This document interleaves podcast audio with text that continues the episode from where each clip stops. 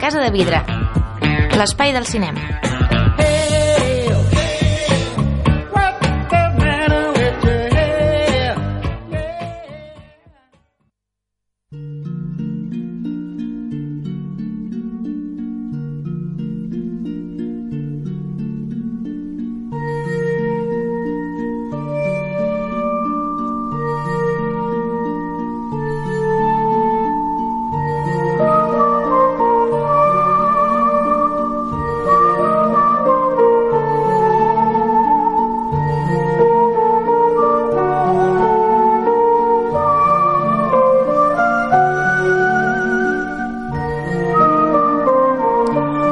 Benvinguts a l'Espai del Cinema, la Casa Vidre.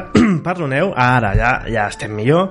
Eh, bé, començàvem el mes de febrer presentant el, el compositor que ocuparia aquest mes, que seria Alexander Desplat, que aquest any està nominat a l'Oscar i que avui, òbviament, tocava posar aquesta peça de La forma de l'agua, que és la pel·lícula que estrena aquesta setmana Guillermo del Toro i per extensió Alexander Desplat, que està nominat per aquesta pel·lícula i que tot apunta, ja veurem, que és el gran favorit.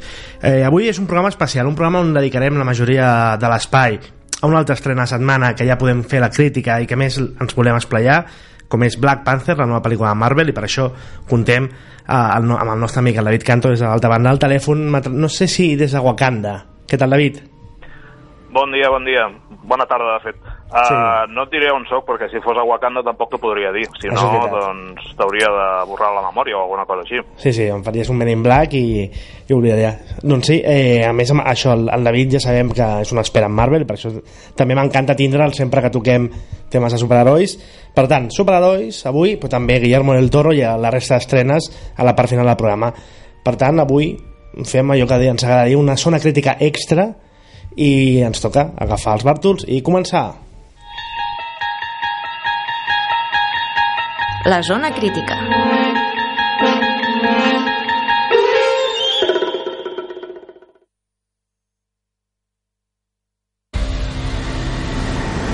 He visto dioses volando. He visto hombres construyendo armas que no podía ni imaginar. He visto extraterrestres descendiendo del cielo. Pero nunca había visto nada como esto. ¿Qué más escondes? Let's go. go. Estamos en casa.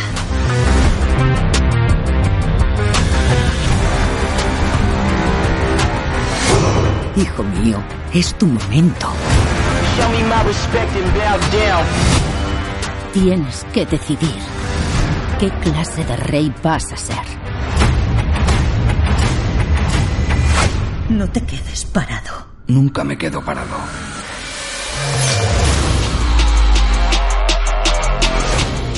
Doncs bé, molta acció en aquesta Black Panther, així sona el seu tràiler. I bé, per començar, David, eh, una mica per qui no sigui tan habitual dels còmics, no, no conegui tant aquest personatge, tot i que ja va ser introduït a unes anteriors pel·lícules de Marvel, Capitán Amèrica Civil War, eh, fes-nos una miqueta de 5 cèntims del background d'aquest personatge, d'on prové eh, una mica els seus orígens del còmic i així el, el comencem a conèixer i després ja entrem en la pel·lícula.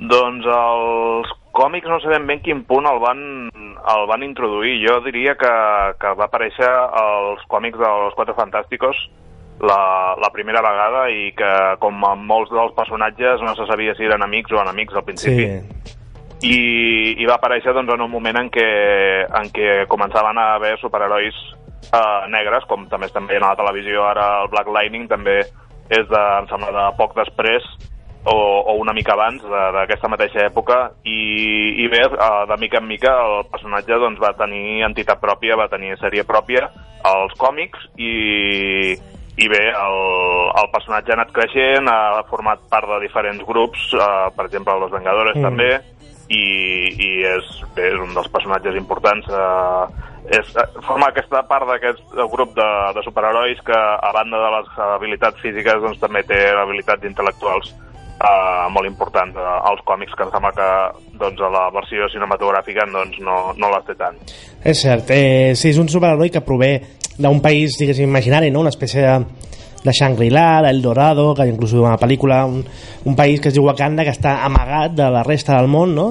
perquè mm, està, té la, la virtut, o, o li, bueno, m'ho explica en la pel·lícula, en el pròleg, va caure un meteorit ple de Brimanium, no? eh, que és el gran metall indestructible que tenim a l'univers Marvel, que és, per exemple, del que està fet l'escut del Capitán Amèrica, i això els ha permès des de sempre tenir una tecnologia molt avançada, més que la resta del món, però ho porten en secret, diguéssim, i, i ningú sap fins que, almenys el- a l'univers cinematogràfic, aquest eh, rei de Wakanda, el T'Challa, va aparèixer quan eh, es va morir el seu pare en un atac a les Nacions Unides, no? i tot el món va conèixer aquest país, diguéssim, que és una miqueta la trama argumental d'on parteix eh, la nova pel·lícula amb un Wakanda que fins, a, fins als títols finals de Capitán Amèrica Civil War no havien vist al, al cinema eh, què t'ha semblat a tu eh, aquesta traslació eh, cinematogràfica del món de Wakanda que és el primer cop que el veiem en tot el, teu, el seu esplendor i que sembla que el veurem més sovint eh, perquè Vengadores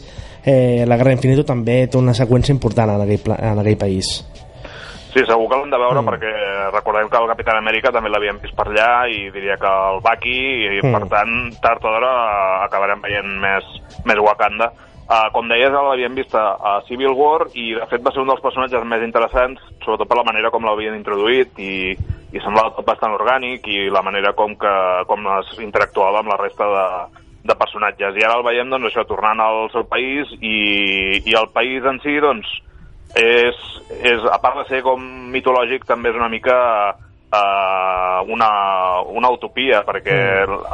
en aquest país, a banda de, de que tothom viu bé, uh, hi ha molta igualtat, sobretot de gènere, i, i fins i tot, de fet, uh, les dones gairebé diríem que tenen, tenen més pes tant al, en aquest país com a la pel·lícula que no pas als homes. L'única crítica que es pot fer al, al país d'entrada és un d'una banda un, un dilema que es planteja a la pel·lícula que potser no, no cal que el, que el desvetllem i l'altre és que doncs, és una monarquia i és una monarquia hereditària tot i que té matisos Mm. però bé, el fet aquest de que es governi de manera tradicional, que suposo que doncs, és de- d'aquí ve el tema que sigui tradicional, eh, doncs pot sobtar una mica, però més enllà d'això la resta sembla bastant, bastant correcta, no? Sí, bueno, també és l'element mitològic no? que té a, a la història Wakanda que no deixa de ser en el fons també com la, la de Thor no? i la mitologia nòrdica, per tant tampoc és estranyar veure un, un, una monarquia en l'univers Marvel malgrat que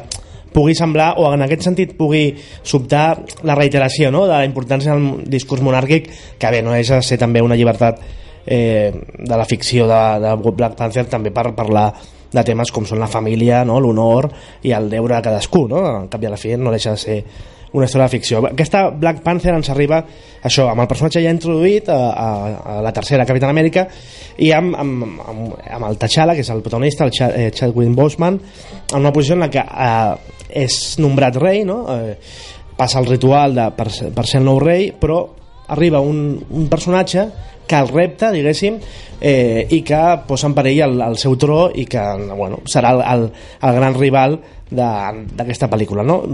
És una pel·lícula que per mi segurament eh, el, un dels que millor, una de les coses que millor treballa i sobretot en comparació de les altres pel·lícules Marvel i que és un tema, inclús un mal endèmic eh, que hem anat comentant al llarg dels Sí. anys el malvat, no? és un malvat que està molt bé el malvat que interpreta el Michael B. Jordan aquest eh, eh, tampoc és per molt entrar molt en spoilers, no? però aquest, aquest personatge que repta el, el rei, el Black Panther i eh, posa en perill, diguéssim, el regnat del protagonista.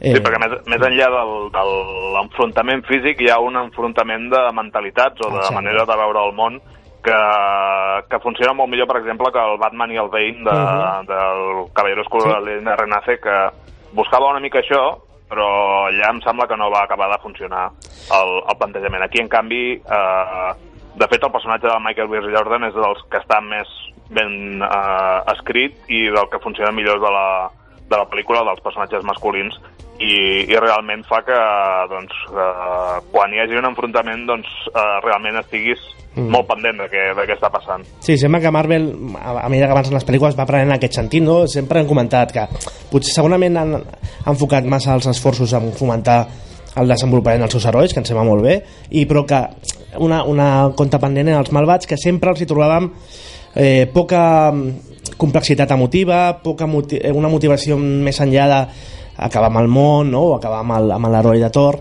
aquí, per sort, i ja ho hem vist també a Rock, Thor Ragnarok amb altres motivacions d'aquest Blanchett que per mi no es van arribar a portar tan bon port però aquí ja veiem un malvat amb un, amb un background emotiu que, ostres, ens, ens importa no? I, i fa que inclús ens interessi més que el protagonista, m'atreviria a dir. Sí, sí, de fet el, el protagonista, eh, tot i que, que el Chadwick Boseman, Boseman ho fa bé, eh, acaba sent potser el personatge menys interessant de tots, perquè com, com deia abans també, eh, si, si no hi havia gaire dolents i interessants a l'univers de Marvel, tampoc hi havia personatges molt interessants femenins més enllà de, de secundaris molt secundaris i aquí jo crec que, el, que les dones agafen molt més protagonisme començant per la germana del, Cert. del T'Challa, la Shuri que, que és, és la, una princesa Disney però totalment Mascada amb el cul de James Bond. Exacte, ca- canviada, canviant el, el, seu, el seu rol, la, la, la general és també uh, una dona molt, molt determinada i després l'interès amorós del, del T'Challa pues, no acaba sent només l'interès amorós, sinó que té un pes i molt important també a la, a la història i a l'acció i, i jo crec que això és un canvi també que, que espero que vagi a més. De Sí. fet, ja es parla que a la, a la fase 4 doncs més enllà de si fan alguna pel·lícula de, de la Viuda Negra, doncs eh, segurament hi haurà més personatges femenins, eh, Capitana Marvel i, i companyia. I tant, perquè més que és, és, ja tocava, no? És un Sí, sí. superheroi af africà, de color, que a més a dintre del públic nord-americà, afroamericà, mm, havia aquesta consciència no, de dir, ostres, a veure si per fi fan una pel·lícula protagonitzada no, per un heroi afroamericà, teníem el War Machine, el Falcon, a, l'univers, però òbviament eren secundaris, a, a, ajudant, diguéssim, a la protagonista principal, i fins ara totes les pel·lícules eren protagonitzades per homes blancs, és així. Eh, I ara per fi estan començant a fer que és normal, el, eh, quin número de pel·lícula és de Marvel? El, la 18 potser dintre de l'univers, si no m'equivoco no, ja he perdut el compte.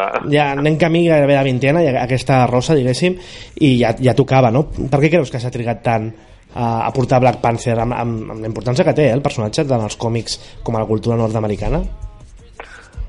Jo crec que, que ha arribat un moment de la conjuntura en què, primer, perquè necessiten introduir més personatges, eh, també perquè busquen eh, atraure nous públics i malgrat que no és una pel·lícula orientada només a la, a la comunitat negra, sí que, tot i que tots ens hi podem sentir identificats, molts dels temes i de la manera que estan tractats, eh, la cultura que, que reflexa i, i fins i tot la banda sonora apela molt a, a la comunitat negra i a la cultura, a la cultura afroamericana i, i jo crec que això és una manera de- d'enriquir Mm. la- l'univers Marvel com ja han fet també a la televisió amb, amb el, la sèrie de Luke Cage, Luke que Cage, també a, a, apuntava a la mateixa comunitat, però que també, evidentment, és extrapolable a tot tipus de, de públic.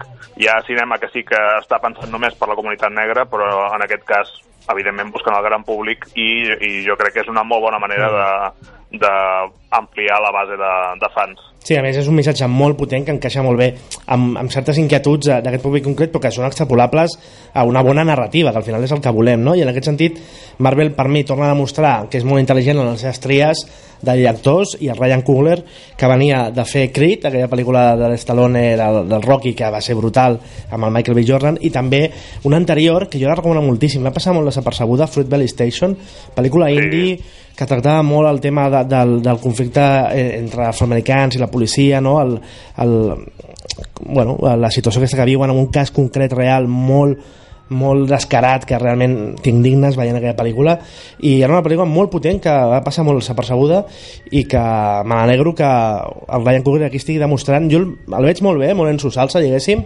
perquè a més també s'ha fet venir bé aquest discurs, hi ha, hi ha una, una, un background també històric a la pel·lícula ambientat a Los Angeles dels 92 ja sabeu aquella època de revoltes tan famoses i això crec que ahir també li ha fet despertar o buscar la, la manera més passional d'enfocar aquesta pel·lícula que malgrat ser un blockbuster de superherois que no ens enganyem, tenen un, un plantejament gairebé tot similar, sobretot si són la primera pel·lícula d'un superheroi que amb aquest factor de passió es nota eh, i, i es transplanta al resultat final de la pel·lícula I després que ha trobat uh, un repartiment brutal. Mm. Dèiem el Chadwick Boseman, la, el Michael B. Jordan, la, la Lupita Nyong'o és qui fa de, de, Mhm. de Nakia, Uh, després uh, Angela Bassett o mm.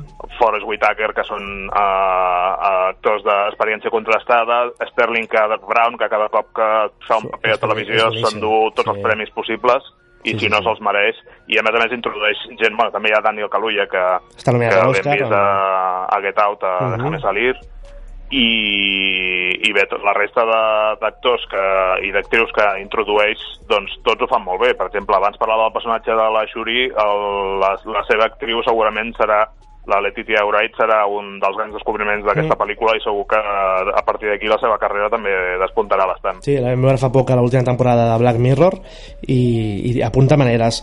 Coses dolentes, va, que podem parlar també...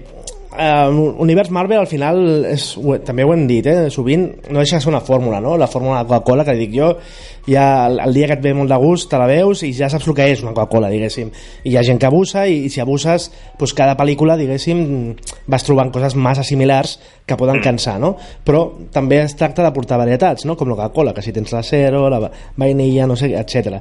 i Marvel crec que cada cop va trobant doncs, eh, eh, diferències dintre les pel·lícules com en aquest cas eh, la, la història ambientada a Àfrica, la mescla de gèneres, etc. Però això té un, un, també coses dolentes, que és que ja saps el que obtindràs no? I, i el factor sorpresa és molt limitat. No t'ha passat amb aquesta pel·lícula? Sí, sí, a mi em va sorprendre eh, molt després de veure Thor Ragnarok, que era una Mm. pel·lícula super arriscada i trencadora respecte a les anteriors, que bé, fins ara més o menys cada, cada línia de personatge tendia cap a un gènere. Per Mm. exemple, les pel·lícules del Capitán Amèrica eren més com d'espionatge, el, el, bé, l'última ja mutava cap, al, cap a les pel·lícules dels Vengadores, però cada una tenia el seu, la seva línia i, i eh, aquesta doncs, és com un pas enrere perquè torna a ser una pel·lícula d'introducció de personatge tot i que ja l'havien introduït Mm. I aquestes pel·lícules inicials doncs és el que dius, sempre tenen una mica de, de, de, de, de formulaiques i de, i de previsibles en alguns punts, però bé, jo crec que com hem vist amb Thor i amb altres eh, les veiem i després doncs ens serviran perquè tots aquests personatges eh, estiguin introduïts i, els, i puguin jugar amb ells en altres, en altres pel·lícules. Eh, sí, el, la pel·lícula és entretinguda, m'esperava molt més, a més a més el problema també és que venia de d'un hype dels Estats Units Sí. sí. desmesurat i, i ja et dic, no, no és una pel·lícula dolenta, però tampoc és la, una de sorpresa. Sí.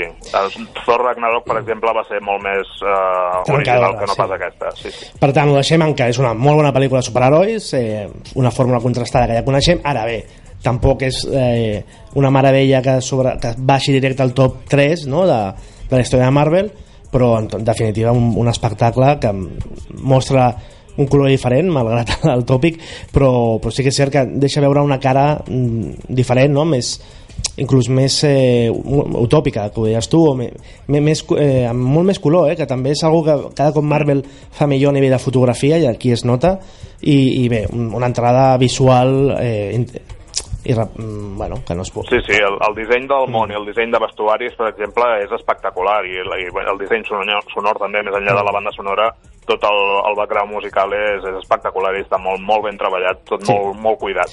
Quina nota li poses? Doncs li posaria un 7. Jo igual, coincidim. Per tant, això, una molt bona entrada al univers Marvel, que veurem a veure com va evolucionant, perquè al cap i a la fi, cada pel·lícula Marvel no deixa de ser una excusa per veure la següent, eh? I construir aquest Sí. món, que la següent serà el gran espectacle, en teoria, i, i l'excusa final d'aquest univers, que és eh, que arribi Thanos i que tots lluitin contra tots. Eh, ja ho anirem veient. En tot Fa cas, molta por, fa molta por, però, però moltes ganes que S'ha de vingui. confiar, home. Va, doncs, què et sembla si anem a les estrenes i comentem, perquè a més tenim una superestrena com és La forma de l'agua. Som-hi.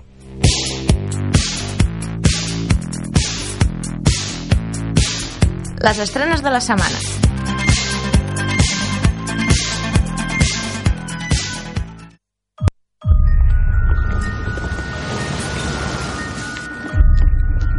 Si sabéis algo sobre todo lo que ocurrió, tenéis la obligación de dar parte. ¿Qué está diciendo? Muy bien. Haz como si no supieras nada. Nuestra única preocupación es el sujeto. Los soviéticos lo quieren. ¿Lo tienen? Lo voy a recuperar. ¿Alguna lo vio entrar o salir del laboratorio? Que maca que és La forma de l'agua, aquest tràiler, eh, una pel·lícula que Guillermo del Toro, 13 nominacions als Oscars, la pel·lícula que parteix favorita, si més no a nivell numèric, no?, d'aquesta gala número 90 dels Oscars, i una pel·lícula que per Guillermo del Toro ha sigut molt personal, on es nota l'esforç i l'amor, i és una pel·lícula que et pot agradar més o menys perquè és molt difícil mm, odiar-la, no?, o que et caigui malament. Eh, tota ella desprèn una estima, una cura cap a al cinema, cap als seus personatges, cap a, les, cap a la tècnica cinematogràfica mateixa, no? És una pel·lícula que té una factura en tots els aspectes fotogràfic, sonor, disseny de producció espectacular i també eh, en les interpretacions.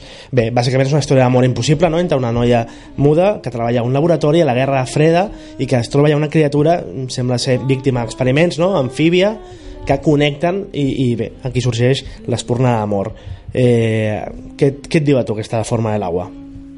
A mi em va meravellar des que la vaig veure inaugurant Mm. mm. el Festival Internacional de Cinema Fantàstic de Sitges, perquè és una mica la destila tota l'obra de, de Guillermo del Toro en una sola pel·lícula, agafant la tradició de, de, de faules i de contes tradicionals, però amb aquest toc de gènere i, eh, i aquest toc adult, perquè no és una pel·lícula, tot i que sigui una faula, no, no és per nens, Correcte. Uh, I fins i tot afegint més, uh, tot i que té un, un aura així com de, de conte de fades i molt, molt d'etèria, té, té un punt de, de realisme amb les coses que explica i, i, de, i de denúncia fins i tot. I jo crec que, que tot plegat uh, lliga molt bé, és que no li sé trobar defectes a aquesta pel·lícula. Sí, aquest és el tema, eh? que ja ho vam comentar el seu dia quan va anar a Venècia i va guanyar el, el Premi Gran, que segurament eh, no era potser la millor pel·lícula del festival, eh, però és això, com que era un mal menor en el sentit que era una pel·lícula en què tothom era fàcil que estigués d'acord perquè és molt difícil retreure-hi res a aquesta pel·lícula i potser també és la seva gran eh, punt fort no? de cara a la cursa dels Oscars perquè vulguis o no, cadascú pot tenir els seus favorits no? pel·lícules que vagin competint entre si o que siguin molt diferents però en canvi aquesta pot ser una via comuna que pugui recollir, no sé si els 13 premis però la majoria, com ho veus tu la seva cursa?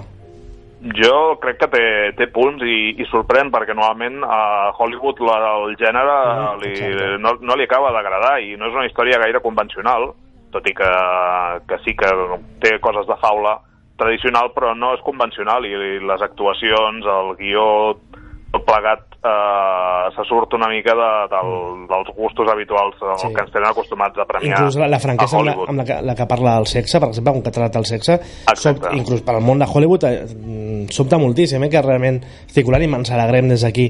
Sí, com tu dius, és una pel·lícula que toca molts pals i els toca molt bé i que és com un punt culminant i, i molt coherent no? dintre de la trajectòria de Del Toro i que, que tant de, jo almenys tant de bo per mi és el favorit en direcció i m'a- m'a- m'agradaria molt eh, personalment que, que guanyi aquest premi Sí, sí, a més a més com a director d'actors, perquè realment el, el Mm. càsting és espectacular, però el, el, les interpretacions que treu d'ells també sí. són espectaculars. Jo crec que, que és molt bon director d'actors i, i a més a més és, és un director molt versàtil, l'hem vist amb, a dins de, del Fantàstic, l'hem vist tocant molts pals, però, però jo crec que aquest, com deies tu abans, aquesta pel·lícula l'ha fet amb molt d'amor, si nota que, que hi ha deixat molt d'ell i així ens ho deia també a, a Sitges Mm. quan va ser aquí i realment doncs eh, només cal que, que aplaudir l'esforç perquè el resultat val la pena.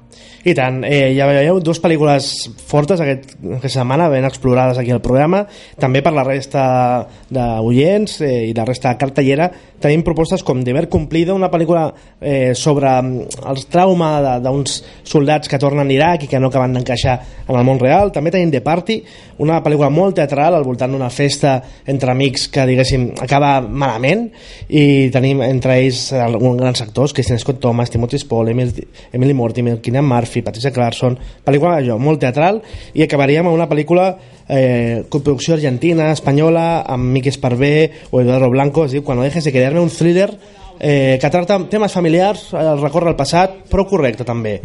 Bé, David, moltes gràcies per estar aquí acompanyant-me eh, des de l'altra banda del telèfon. Mm, Si és Wakanda, queda en secret i esperem que t'uneixis ben aviat amb nosaltres un altre cop i bé, disfrutem no, del cinema com cada setmana. Quan vulgueu. Gràcies, adeu. Fins aviat.